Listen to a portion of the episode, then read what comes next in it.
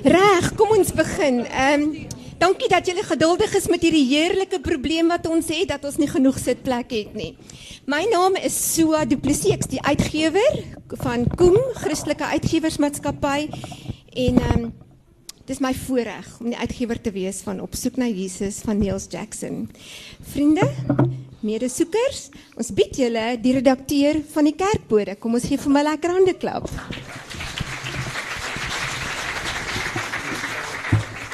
En sommer net so ietsie in geval daar dalk enige siel is wat nie weet nie, vir meer as 2 dekades lank het Niels Jackson vir Suid-Afrika ingelig gehou oor kerksake en oor godsdienstige sake en het hy blootstelling gehad aan elke moontlike godsdienstsituasie. Niels is die ideale persoon om 'n boek te skryf soos Op soek na Jesus. Hy het 'n ingebore kritiese ingesteldheid Hy's analities van aard. Hy het 'n baie behendige manier en 'n vernuftige manier om met 'n uh, die woord om te gaan. Hy's lief vir die woord. En ehm um, Niels is 'n denker. Hy het die agting verdien van gewone mense op straat, behalwe van teoloë van wie sy gebalanseerde en sy geloofwaardige beriggewing oor godsdienstsake. Ehm um, agter hierdie redakteur, ehm um, joernalis. Is daar 'n man en hy is gelukkig getroud met Louise en sy is hier by ons. Louise, steek op jou hand, waai vir hulle. en uh, Christie en Rihanna as hulle dogters en hulle is baie lief vir natuur en hulle is voelkykers, maar die belangrikste van alles is dat ehm uh, Niels sê onbeskaamd dat hy Jesus ken en met alles wat hy wil doen daarna streef om Jesus beter te leer ken. En dan om so 'n bietjie hierdie gesprek aan die gang te hou het ons vir Elise. Ek ja, kom ons gee vir Elise 'n lekker hande klap Elise Parker. Woordmens, woordvermoë. Uh sy is so vir mag mens sê dan vir 3 dekades, nê? Nee, is sy besig met die woorde. Sy skryf kort verhale en lang verhale en romans en uh sy was betrokke by Sari en is boekredakteur en Elise leef haar drome uit met woorde en met boeke en behalwe dat sy kan skryf kan sy praat ook sy skryf oordenkings doen oordenkings op die radio radioomroeper maar Elise motiveer mense en sy inspireer met elke woord. You're in for a treat en ons luister baie graag na julle wanneer ons nou bietjie dieper gaan kyk na op soek na Jesus. Baie welkom, geniet die gesprek saam met ons.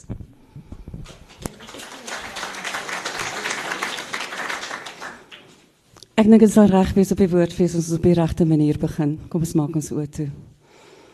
Vader, ons wil U loof en dank Here dat ons ook op hierdie fees 'n plek het om U naam te kom groot maak, Here. Here, ons kom met omdat ons ook self nog soekers is, Here. Omdat ons in ons harte vir U gevind het en vir U lief is en vir U honger het, maar nog steeds hanker om meer van U te weet. Dankie, Here, dat ons U kan innooi vir oggend en net vra dat die Gees werklik ook vanmôre ons harte sal oopmaak vir wat U hier vir ons kom sê. Amen.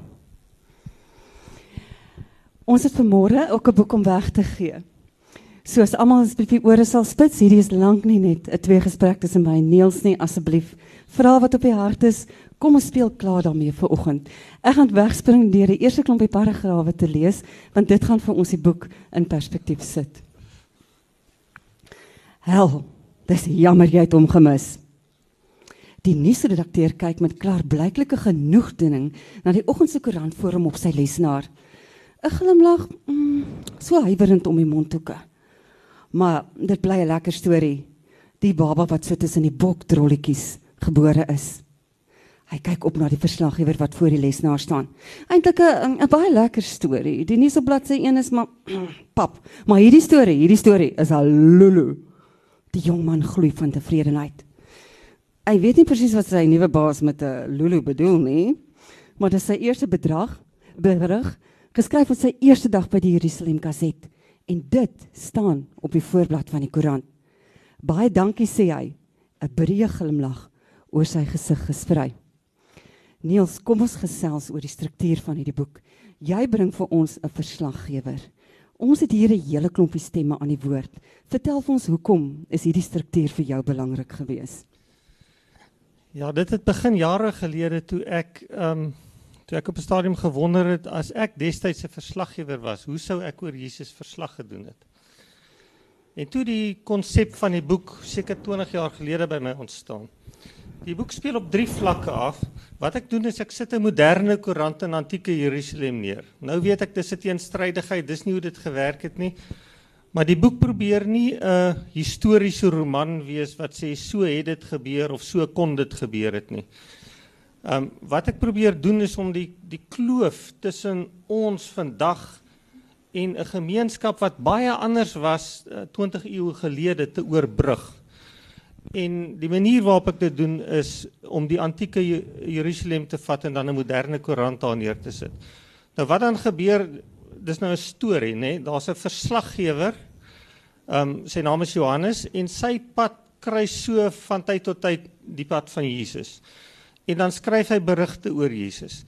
Um, ek wil 'n tipiese soort van ding wat in een van die episodes gebeur is hy sit op die op die uh, oewer van die meer van Galilea en dan kom daar 'n ou na hom toe en dan sê vir hom is jy nie Johannes nie die ou wat partykeer oor hierdie Jesus skryf dan sê hy vir hom ja Dan sê hy vir my ek het dalk 'n storie vir jou. Ek het net gewonder of jy weet wie is hierdie Jesus se volgelinge.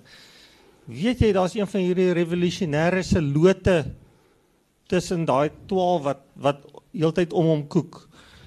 En ehm um, jy moet 'n bietjie kyk of hierdie ouens nie besig is met 'n komplot teen die regering nie. En op so 'n manier kom stories na Johannes toe aan. Hy skryf die berigte. Die eerste vlak is die belewenis van die verslaggewer. Die tweede vlak van die van die verhaal is dan die berigte wat hy skryf. En dan die derde vlak van die verhaal speel af 20 jaar na die kruisiging en die opstanding en die hemelvaart. Dan is Johannes 'n ou man, um afgetrede verslaggewer.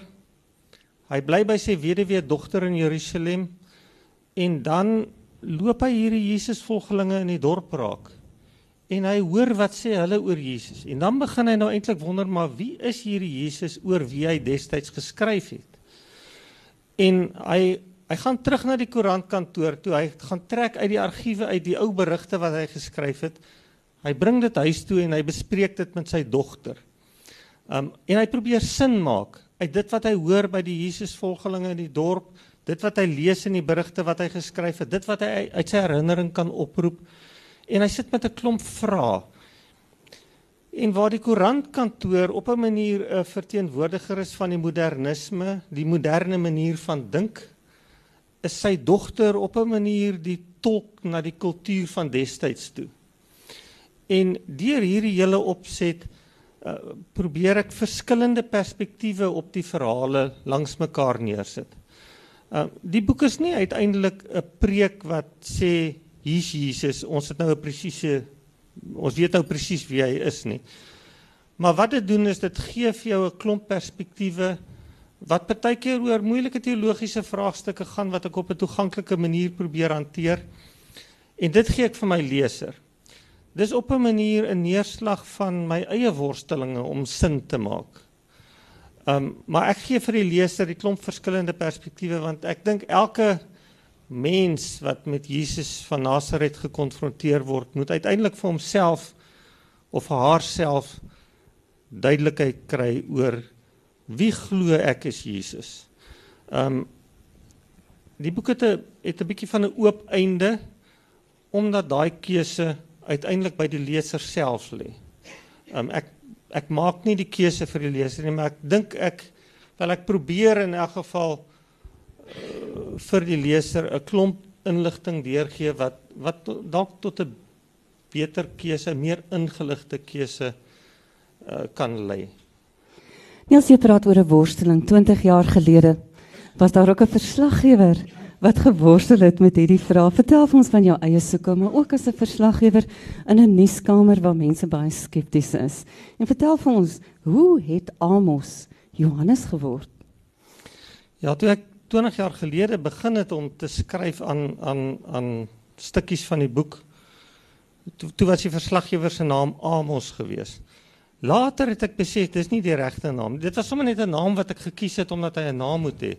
Later het ek besluit nee, hy moet Johannes wees. Want Johannes is die beskerm heilige van skrywers. Johannes is die een wie se evangelie begin met in die begin was die woord daar. En die woord was by God en die woord was self God. En daarby is my tweede naam ook Johannes en daar's iets van myself in Johannes. Ehm um, Ek het uit die aard van die saak deur die loop van baie jare het ek eh, 'n uh, klomp moeilike goed moes hanteer. Die die beriggewing oor die historiese Jesus debat het vir my 'n klomp vraag grondliggende vrae oor my eie geloof laat vra. Ehm um, daar was tye wat ek nie geweet het wat ek mooi kan glo nie. Maar deur die jare het daar vir my lig gekom weer. Ehm um, miskien moet ek sê so Stefan Joubert op 'n dag gesê het ek het met my twyfel na God toe gevlug en ek het daardeur gekom met my geloof behoue. En baie van die antwoorde wat ek gekry het in my eie worsteling is nou vervleg hier in 'n storie. Niels, maar ook die antwoorde wat jy gekry het as 'n verslaggewer, want jy het net by een kerk antwoorde moes gaan soek, want jy moes verslag gedoen het oor wat verskeie sinodes doen en wat verskeie kerke dink. Vertel vir ons 'n bietjie van jou soektog om die goue middeweg te vind tussen al die antwoorde wat aan jou gebied is.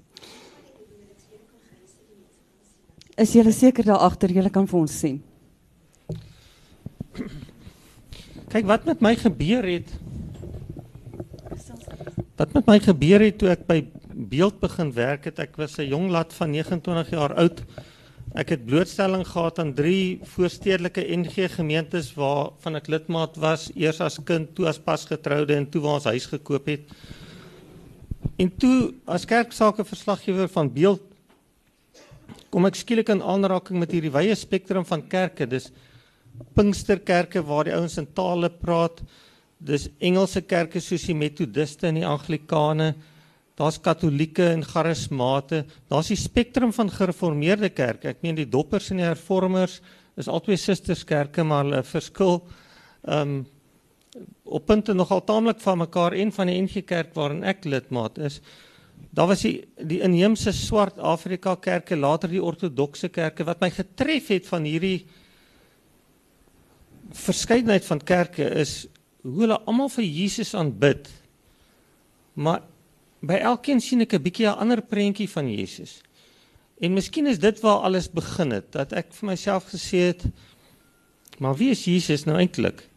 Ehm um, Johan Silje het later 'n boek geskryf met die titel Sal die regte Jesus opstaan asseblief? Voor daai boek verskyn het, het ek presies dieselfde vraag vir myself gevra. Sal die regte Jesus opstaan asseblief? Ehm um, En ek het gaan soek in die evangelies. Ek het gaan lees in die evangelies en en dit was die begin van my soektog na Jesus. Nou die boek se titel is Op soek na Jesus. En ehm um, 'n mens kan vir Jesus vind maar die soeke hou nooit op nie. Die soeke om vir Jesus beter te verstaan ehm um, gaan voort.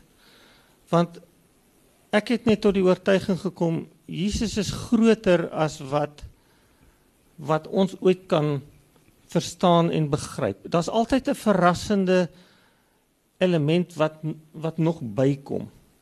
Ehm um, dis die fascinerendste figuur in die wêreldgeskiedenis. En ehm um, in daai sin al het 'n mens vir Jesus gevind, bly jy altyd op soek, dink ek. Wel ek sal altyd op soek bly na 'n meer en 'n beter en 'n groter verstaan van wie Jesus is. En dan ook 'n meer lewende verhouding omdat jy die begrip het, nê. Nee.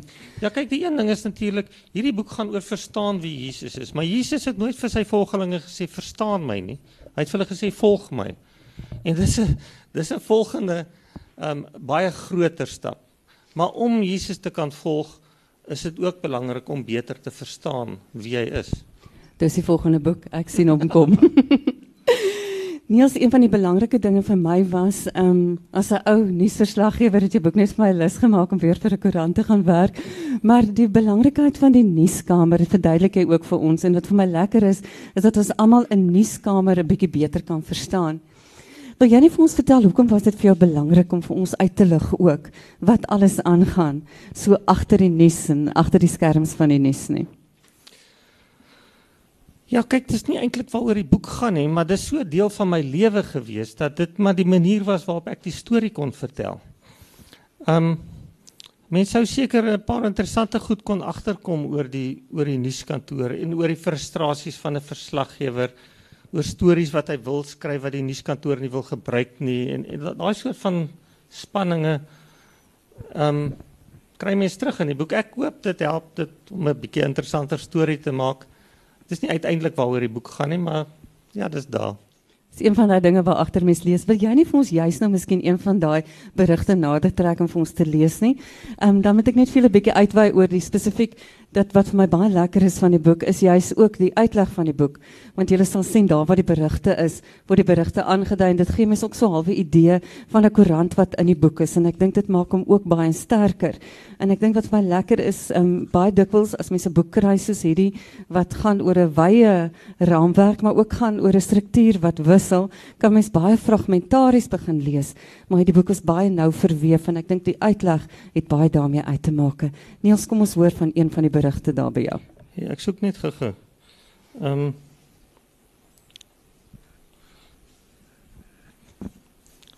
Dis 'n beriggie wat nou verby interessant was.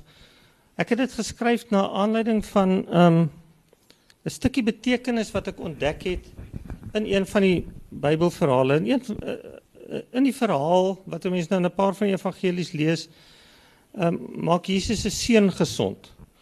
Um, hy dryf duiwels uit hom uit. En vir my verstaan was dit altyd net dit was nou die die kind wat gesond geword het. Ek wou mense nou kon vra vra oor die duiwels en al die soort van goed. Maar toe lees ek interpretasie raak eintlik net uit 'n beter verstaan van die kultuuragtergrond van waar in die verhaal afspeel. Wat vir my dit duidelik gemaak het is baie meer as net die kind wat gesond geword het. En die beriggie sê dit nogal. Kom ek lees dit vir julle. Die opskrif is My seun is gesond, ons lewe het verander, vertel pa. Daar's 'n paar goed wat gebeur. Die een is hy ondermyn hulle hele ehm um, sosiale opset. Hy sluit die ouens in wat hulle wou uitsluit. En hy kom op vir die vir die ouens wat hulle wou uitbuit. Die ehm um, die godsdienstige leiers het vir hulle 'n bevoordeelde posisie beding destyds. Um hulle het 'n soort van verhouding met die Romeinse owerheid gesluit en in die proses het hulle um vir hulle self 'n bevoordeelde posisie beding um op grond dikwels van die uitbuiting en uitsluiting van ander. Ek dink een van die goed wat dit vir my die duidelikste gemaak het en, en een van die tekste wat regtig vir my op 'n wow manier oopgegaan het was die die verhaal oor die weduwee wat haar laaste twee muntstukkies in die skatkis kom gooi het. Um ek het groot geword met die gedagte dat dit nou dis nou die voorbeeld van offervaardigheid. Dis die ideaal waarna ons almal moet streef. Ons moet alles wat ons het vir Jesus gee of vir vir die koninkryk gee, vir die tempel gee. Um maar nou wat gebeur in ons Bybel? Ons Bybel het mos um tussen die tekste klomp sulke opskrifies. En daai opskrif is nie deel van die oorspronklike teks nie, dis later ingevoeg. En op wat vir my lyk na 'n ongelukkige manier het daar 'n opskrifie ingekom wat twee dele van die teks wat eintlik bymekaar hoort van mekaar geskei het. In die tweede deel kry mens die verhaal van Jesus wat na die offerkis toe stap, dan sien hy hierdie weduwee wat haar laaste uh, muntstukke ingooi. Maar in die gedeelte net voor dit in die Markus Evangelie spesifiek word daar gepraat oor die godsdienstige leiers wat uh, so daarvan hou om um swierige klere te dra en die beste plekke by die maaltye te hê. En dan word daar gesê dat hulle die weduwees so sou uitbuit dat hulle hulle huise verloor. En dan kom daai opskrifie wat wat op 'n manier 'n slegte skeiding bring. Um maar die net die volgende deel van die teks stap Jesus dan na die offerkis toe en hy sê sien julle sy het haar laaste muntstukke ingegooi. Um meer as al die rykes. En hy sê niks daarvan dat dit 'n voorbeeld is wat 'n mens moet navolg of van offervaardigheid nie. Die die implisiete boodskap lyk vir my is hier's die klassieke voorbeeld van uitbuiting. Dis die die um, die Engelse sê the extent to which they go. Dit is hoe ver die godsdienstige leiers bereid is om te gaan dat hulle hierdie hierdie weduwee se laaste sente sal vat om hulle koninkrykie, hulle gerieflike posisie in stand te hou. En ehm um, Jesus het daai gerieflike posisie van hulle ondermyn en ondermyn op verskillende maniere sodat hulle van hom moes ontslaa raak. Niels vertel van ons, ons is 'n bietjie kan wegkom van die boek af. Jou eie geriefsone en jou eie soektog na Jesus. Hoe is dit versteur en hoe het hierdie reis gelyk? Kyk, ek het groot geword met ehm um, met 'n baie eenvoudige prentjie van wie Jesus is. Johannes 3 vers 16 prentjie. Ehm um, dit het gegaan die hele godsdienst het ek gedink gaan oor persoonlike verlossing en saligmaking. Ek dink dis die soort godsdienst waarmee ek groot geword het. Ehm um, in my KA jare het ons baie debatte ge gehad uh, met vrae wat sê wat mag jy? Mag jy op 'n Sondag agterplaas cricket speel? Mag jy met 'n denim kerk toe gaan? Ehm um, mag jy dans? Daar was soveel, jy weet, dis 'n soort van sleutel gewees tot tot tot, tot die godsdienst waarmee ek groot geword het. Ek dink een van die eerste groot ontdekkings wat ek gemaak het is dat daai sleutel presies die sleutel is wat die fariseërs gebruik het um presiese reëls wat jy moet nakom. Um die sleutel van hulle godsdienst was gehoorsaamheid. En hulle vat vir Jesus aan veral oor oor oor die Sabbatgebod en dat hy nie die Sabbat sou gehoorsaam wees nie. Jesus kom, hy hy ignoreer hulle interpretasie van die van die gebod. Hy um hy sê nie hy kom hef die gebod op nie. Hy sê hy kom gee die gebod sy volle betekenis. En daai volle betekenis vind ons in die opsomming van die wet, né, die liefdesgebod. Um en dit het my gehelp om te verstaan dat as jy die wet vertolk op 'n maniere wat mense skade aandoen. Ek dink nou aan die weduwee wat op ag die vrou wat op oorspel betrap is in Johannes Evangelie. Daai ouens wat wat wat haar voor Jesus gesleep het, het dit het nie vir hulle gegaan oor haar nie. Hulle het glad nie haar welstand op die hart gedra nie. Vir hulle het dit net gegaan oor die rigiede toepassing van die wet. Maar vir Jesus is die mens belangrik. En en en dit is een groot kopskyf wat ek moes maak dat Jesus bring 'n interpretasie van die wet waar dit oor die welsyn, die belange van mense gaan.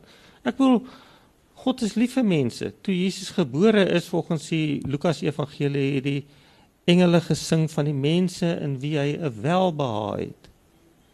So dit was 'n groot kopskyf wat ek moes maak.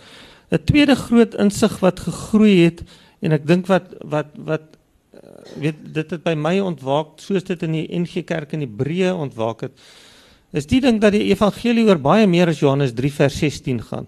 Die hart van die evangelie is nie net persoonlike verlossing en saligmaking nie.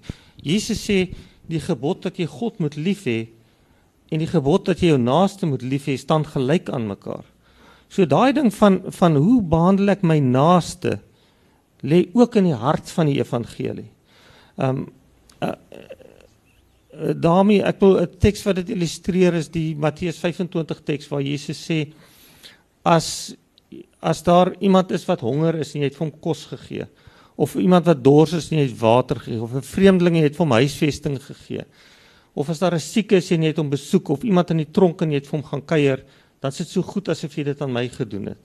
Ek wil letterlik daar word die naaste liefde die liefde aan God. Die manier hoe jy jou naaste hanteer is 'n weerspieëling van jou liefde vir God. Dis amper asof jy kan sê ehm um, die twee wel Jesus sê dat die twee goed staan gelyk aan mekaar. Dis dis amper asof dit weet keersye van die munt is. Maar dan was daar natuurlik nou die die woestynpad, die herfspad wat ek geloop het. Um toe ek met 'n klomp vrae gesit het wat ek later nie meer geweet het, kan ek sê die Bybel is die woord van God nie. Daar's dan soveel moeilikhede met die interpretasie van die Bybel totdat ek later by 'n beter verstaan uitgekom het van wat bedoel 'n mens as jy sê die Bybel is die woord van God. En nou kan ek dit vrymoedig en met oortuiging weer sê. Daar was 'n tyd gewees wat ek nie geweet het wat 'n mens kan glo oor Jesus nie. Um Maar ek bely nou vrymoedig Jesus is die Here. Dis dis wat dis waartoe ek gekom het. My my worsteling het my by geloof uitgebring, nie by ongeloof nie. En ook by sekerheid. Ek dink as jy so 'n bietjie water wil drink, gaan ek so 'n bietjie hoor hier in die gehoor. Of daar lekker vrae is. Jy weet daar's 'n lekker boek op die spel. So is daar iemand wat 'n lekker vraag het? Asseblief, kom ons hoor so 'n bietjie oor geloofsekerheid, oor Niels se persoonlike reis. Enige vraag wat aan julle gemoed is asseblief. Kom ons gesels saam. Ons het stil gehoor, Niels. Jy het al jou werk gedoen. Niels, ons het so 'n bietjie vroeër gesels, toe sê ek vir jou, is dit 'n boek oor geloofsekerheid en jy het vir my 'n antwoord gehad. Ek dink nie dis 'n boek oor geloofsekerheid nie. Ek dink dit is 'n boek wat mense kan help in hulle reis. Maar ek kom nie en sê vir mense hier's die antwoorde nie. Ek sê vir mense hier's perspektiewe. Um ek kan nie vir iemand 'n finale antwoord moet gee oor hoe oor hoe Jesus is nie, oor wie Jesus is nie. Um ek dink dis 'n dis 'n persoonlike ontdekkingsreis vir elkeen wat soos die Emmausganger se pad met Jesus stap. Ek wil ons stap dikwels saam met Jesus en dan dan kom ons later agter, maar hier's meer aan hierdie aan hierdie Jesus as wat ek aanvanklik gedink het. Ek dink as ek so lekker aan dit gelees het, het ek ook gesien dat jy baie ekstra navorsing gedoen, veral in terme van konteks en kultuur en dis Miriam wat vir ons konteks en kultuur bring. Kan jy 'n bietjie gesels oor Miriam se rol in die boek? Ek Miriam is op 'n manier die die die tolk na die kultuur van destyds toe. Het ons tyd kan ek ons 'n stukkie lees? Ja, asseblief. die boek bestaan uit 25 hoofstukke uit wat elkeen 'n aspek of 'n episode uit Jesus se lewe hanteer. En die miskien die hoofstuk wat my die naaste aan die hart lê is die middelsteen hoofstuk 13. Ehm um, wat gaan oor hoe sien Jesus vroue? Ehm um, die verhaal wat ek gebruik is die Lukas evangeliese weergawe van die verhaal van die weduwee wat uh, Jesus se voete nat gehuil het en met haar hare afgedroog het en ehm um, en hom dan met dierolie gesalf het. Ehm um, hoe dit gebeur is die fariseer uh, by wie se huis hierdie ete plaasgevind het kom na Johannes toe en hy hy bring vir hom die storie oor hierdie hierdie godslasteraar wat sê ehm um, jou sondes is vergewe. En en Hy wil eintlik die volk waarsku teen Jesus. So hy dra die storie aan aan die verslaggewer toe. Die verslaggewer praat met 'n paar mense en hy skryf dan 'n uh, 'n uh, berig wat min of meer vertel wat daar gebeur het, maar wat ook die fariseer se waarskuwing bevat. Sy voete nat met haar trane. Dan droog sy dit af met haar los hare wat deel van haar skande is. Maar dis wie sy is. Dis wat sy het. En sy bring dit vir die profeet van God want hy is reg. Hoe groter jou skuld is wat afgeskryf is, hoe dankbaarder is jy en hoe meer liefde gee jy. En hoe kon sy dit meer doen as om hierdie man wat so 'n boodskap van God bring, se voete te salf? Om haar liefde in die vorm van kosbare kosbare reukolie oor sy voete uit te giet. Sy huiwer om asem te skep om die emosie wat in haar opwel kans te gee om tot rus te kom. Nee wat pa, vir my as vrou is dit duidelik dat her, dat hierdie fariseer verkeerd is. Op grond van hierdie storie alleen kan ek aanvaar dat hierdie Jesus 'n profeet van God was. Die fariseer se ding is 'n sweem van 'n glimlag kruip om Johannes se mondhoeke oor sy dogter se drif. Hy sien hoe haar lippe op mekaar pers, hoe haar skouers op en af duin van die emosie in haar en hoe dit geleidelik minder word na mate sy kalmeer. En as hy na 'n rukkie opkyk na hom toe en hulle oë ontmoet, sê hy eenvoudig: "Meer as 'n profeet." Sy begryp nie mooi wat hy bedoel nie. Met haar wenkbroue en haar oë vra sy om hom te vra sy hom om te verduidelik. Sy volgelinge noem hom meer as 'n profeet. Hulle noem hom die Messias, die gesalfde van God. Hulle het, hulle sê hy het gekom juis om sonde te vergewe.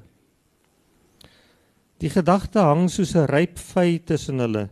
Maar voordat Johannes of Miriam daarop kan reageer, raak hulle bewus van iemand by die deur. Miriam staan op, wissel 'n paar woorde met die besoeker, gaan haal twee van die brode wat sy die oggend gebak het en beklink die transaksie. Toe sy weer kom sit, is sy opnuut opgewerk. Pa sien. Dit was die dienskneg van Rabbi Joses. Hy kom koop gereeld brood by my vir die rabbi. Die rabbi self bly net hier om die hoek. Hy stap byna elke dag hier voor ons deur verby, maar hy self sal nooit inkom en vir hom en vir 'n brood kom vra nie. Hy sal hoogstens op 'n afstand groet as hy verbystap. Vir die rabbi is dit ondenkbaar om by my deur in te kom, om enige kontak met my te hê. Dalk is ek onrein soos elke vrou elke maand 'n paar dae lank onrein is. Dalk smeer my onreinheid af aan hom. Dalk sê iemand iets oor hom en die weduwee. Daarom hou hy maar altyd 'n afstand. Daarom behandel hy die weduwee maar liewer asof sy effens melaats is. Johannes het Miriam nog nooit so hoor praat oor haar vrou wees nie. Hy het nie geweet daar sit soveel emosie in haar oor die plek wat haar vrou wees vir haar in die samelewing bestem het nie. Hierdie vrou wat sy voete nat gehuil het. Daar was soveel meer redes om haar te vermy as vir my, maar hy laat haar toe met haar bossletterige hare en al. Hy behandel haar soos 'n mens, nie soos 'n werfhond nie. Sy laat sak haar kop in haar hande, haar skouers bewe van die klein snikkies wat sy gee. Ja, ek dink dit verdien weer 'n bietjie applous. Dankie Niels. Daar dalk nou 'n vraag of twee oor die boek oor Niels. Ja, vra gerus.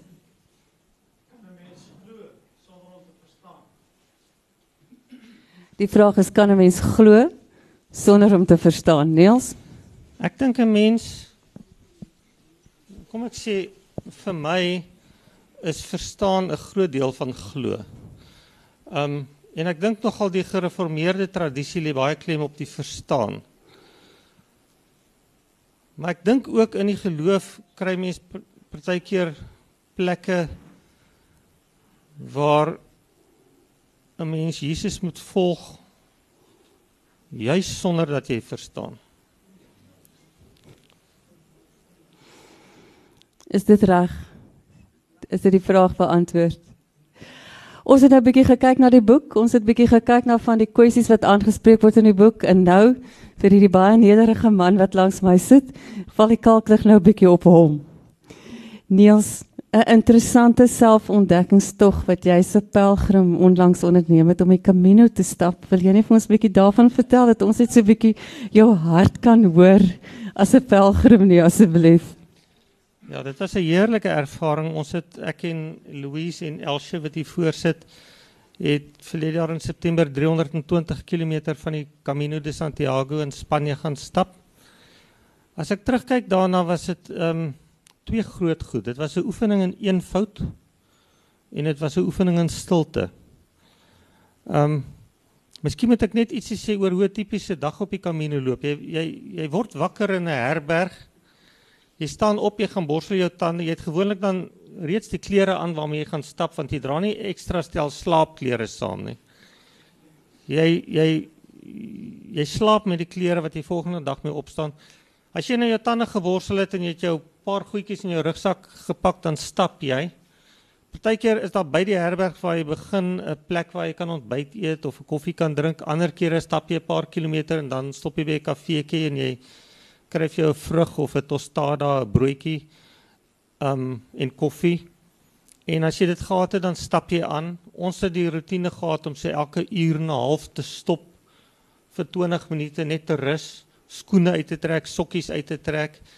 Ons het probeer om een keer 'n dag binne in een van die ou Katolieke kerkies te te rus en stil te wees. Maar so gaan jou dag aan tot jy by middagete kom. Partykeer het jy middagete die vorige dag het jy ietsie in jou rugsak gepak wat jy saamgedra het wat jy dan eet. Ander kere stop jy by 'n kafeetjie of 'n plek en jy koop vir jou iets om te eet. En dan stap jy verder. Ons het gewoonlik hier iewers vroegmiddag het ons by die plek gekom wat ons wou oorbly. Um, Dis een van jou groot bekommernisse op die dag as 'n mens nou praat van groot bekommernisse is, waar gaan jy slaap? Jy moet ingaan by plek en vra vir slaapplek. Ons het net een of twee keer het ons nie dadelik plek gekry nie. Maar as jy dan na jou bed gekry het, dan sit jy jou goed neer en jy gaan stort. Jy trek jou klere waarmee jy gestap het uit, jy trek jou ander stel klere aan. En ehm um, jy gaan spoel die klere uit waarmee jy gestap het die dag. Dis die tweede groot bekommernis van die dag gaan jou klere droog word. En dis ek nou ons het goeie weer gehad, ons het nooit daarmee gesukkel nie. En dan uh, ek sou dikwels 'n middagslaapie gaan slaap het of anders stap 'n mens deur die dorpie waar jy is en jy gaan verken 'n bietjie die aand kry jy iewers 'n plek waar jy kan eet en daar's wonderlike lekker pelgrimsetes langs die pad en dan gaan slaap jy. Dis so ingewikkeld as wat jou dag is. Wat het jy in jou hart oor Jesus ontdek? Tydens die Camino, wat het jy in jou hart oor Jesus ontdek? Waarna het jy gaan soek en wat het jy gevind? Ehm uh, ja, dis moeilik om te sê. Die Camino was nie in die eerste plek 'n soektog na Jesus nie. Miskien moet ek sê een ding wat my opgeval het in al hierdie kerke wat ons kom is daar verskriklik baie beelde. Weet dis Maria, dis Maria Magdalena, dis Johannes die Doper, daar's dikwels 'n Jesus aan die kruis. Ehm um, dis Santiago, nee, die heilige Jakobus. Ehm um, daar's plaaslike heilige San Roque en San Blas wat ek nou nog nie weet presies wie hulle is nie. Ons het vir Franciscus van Assisi iewers op 'n beeld gekry. Wat nou vreemd is aan ons tradisie, ehm um, ons protestantse bedoel ek nou gereformeerde tradisie waarna ek groot geword het. Maar op 'n manier het dit vir my 'n menslike gesig aan die godsdiens gegee wat ons in ons tradisie partykeer 'n bietjie ontbeer. Ek bedoel so die gereformeerde godsdiens, die gereformeerde tradisie is geneig om van die godsdiens 'n stel leerreëls te maak. Om die hart van die godsdiens is dikwels 'n klompie dogmas. Terwyl in die Katolieke Kerk het ek meer gesien daarvan dat dit oor mense gaan. En in daai sin dink ek is dit nader aan Jesus se verstaan, aan Jesus se se aan aan dit wat ek by Jesus leer oor ons godsdiens. Is dit gaan oor oor mense vir wie God lief is. Dis 'n wonderlike opmerking. Vriende, nou ja, ons moet ongelukkig hier aan een se kant hier uitwees, maar ek kan vir julle die groot troos gee dat in hierdie boek gaan julle baie baie baie antwoorde vind ook. Dis 'n boek wat ek graag wil aanbeveel as julle dalk weet van 'n jong volwassene wat op soek is na Jesus. Ek dink dit is 'n wonderlike manier om op 'n kontemporêre manier, 'n manier wat hulle gewoond is, koerante om bietjie van die waarhede ook by hulle tuis te bring. Ons sê baie dankie dat julle vandag hier is. Niels is beskikbaar om boeke te teken net hier naby Protea Boekhuis as julle daar wil gaan inloer en dan het ons vir die vriendelike Nita wat daar buite die deur staan wat vir julle 20% afslag op alle normale prysprodukte en dan ook op hierdie boek sal gee by Kom Boeke se winkel wat in die Eikestad Mall is. Baie dankie dat julle gekom het en so geduldig geluister het en ek dink swaar tog dalk miskien daai daai boek kan gee vir ons vraag ons daarvan verstaan en glo. Ons dit baie graag doen. Elise baie dankie vir die manier waarop jy die gesprek hanteer het en Niels, wat vat ek saam uit hierdie boek? Jy weet, ek sit so en dink in daar's so min sekerhede vandag. Ons lewe in 'n wêreld met soveel konvensies en soveel pretensies. En dan kom hierdie boek en dit kom maak ons vry. En die boek kom sê vir my daar's die, die kerk stel ons te leer. Ons lees dit elke dag en ons is dikwels ontnigter deur die Christendom en deur Christene en Christene wat droog maak. En dan weet ek net opnuut weer, daar's net een Ek moet net na Jesus kyk. En ek kom jubel sommer net vandag oor Jesus en ek jubel oor julle wat hier is wat kom sê maar weet jy ons smag daarna om Jesus beter te leer ken en dit gaan jy in hierdie boek kry. Niels, dankie vir jou eerlikheid waarop jy met met jou woorde hier omgegaan het en en vir ons kom help om dit wat ons ten dele ken nou vir ons bietjie nader te bring aan die volle verstaan en ons weet dat ons enig heeltemal sal verstaan. Ek dink sou ek was 'n bietjie steel by NP van Wyklou wat sê my naakte siel wil sonder skrome in alle eenvoud tot U gaan. En dan weet ons net, ons wil so in hierdie besige ingewikkeldheid en en Christene en teoloë wat dikwels die godsdienst so ingewikkeld maak, wil ons net in eenvoud na die Here kom en hy ken ons harte en en ons ons jubel sommer net daaroor. Dankie vir jou en dankie vir Elise en um, ons het 'n boek wat ons kan weggee en Elise het gesê die vraag moet ons 'n vraag vra. Ja, ons het die vraag gevra. Ek dink die die ehm um, die verstaande en glo ek dink daai vraag wat gevra is, wat hy gevra het, so ek dink ons kan gerus 'n boek vir hom Verdien dit gee. 'n boek en sê gou jou naam, wie dit gevra. Daar En sê sê ja. gou jou naam vir ons. En baie dankie jy het sopas 'n boek reg. En dankie dat jy bereid was om op die grond te sit. Jy is wonderlik. Die boeke is hier buite en Neil sal dit kom teken.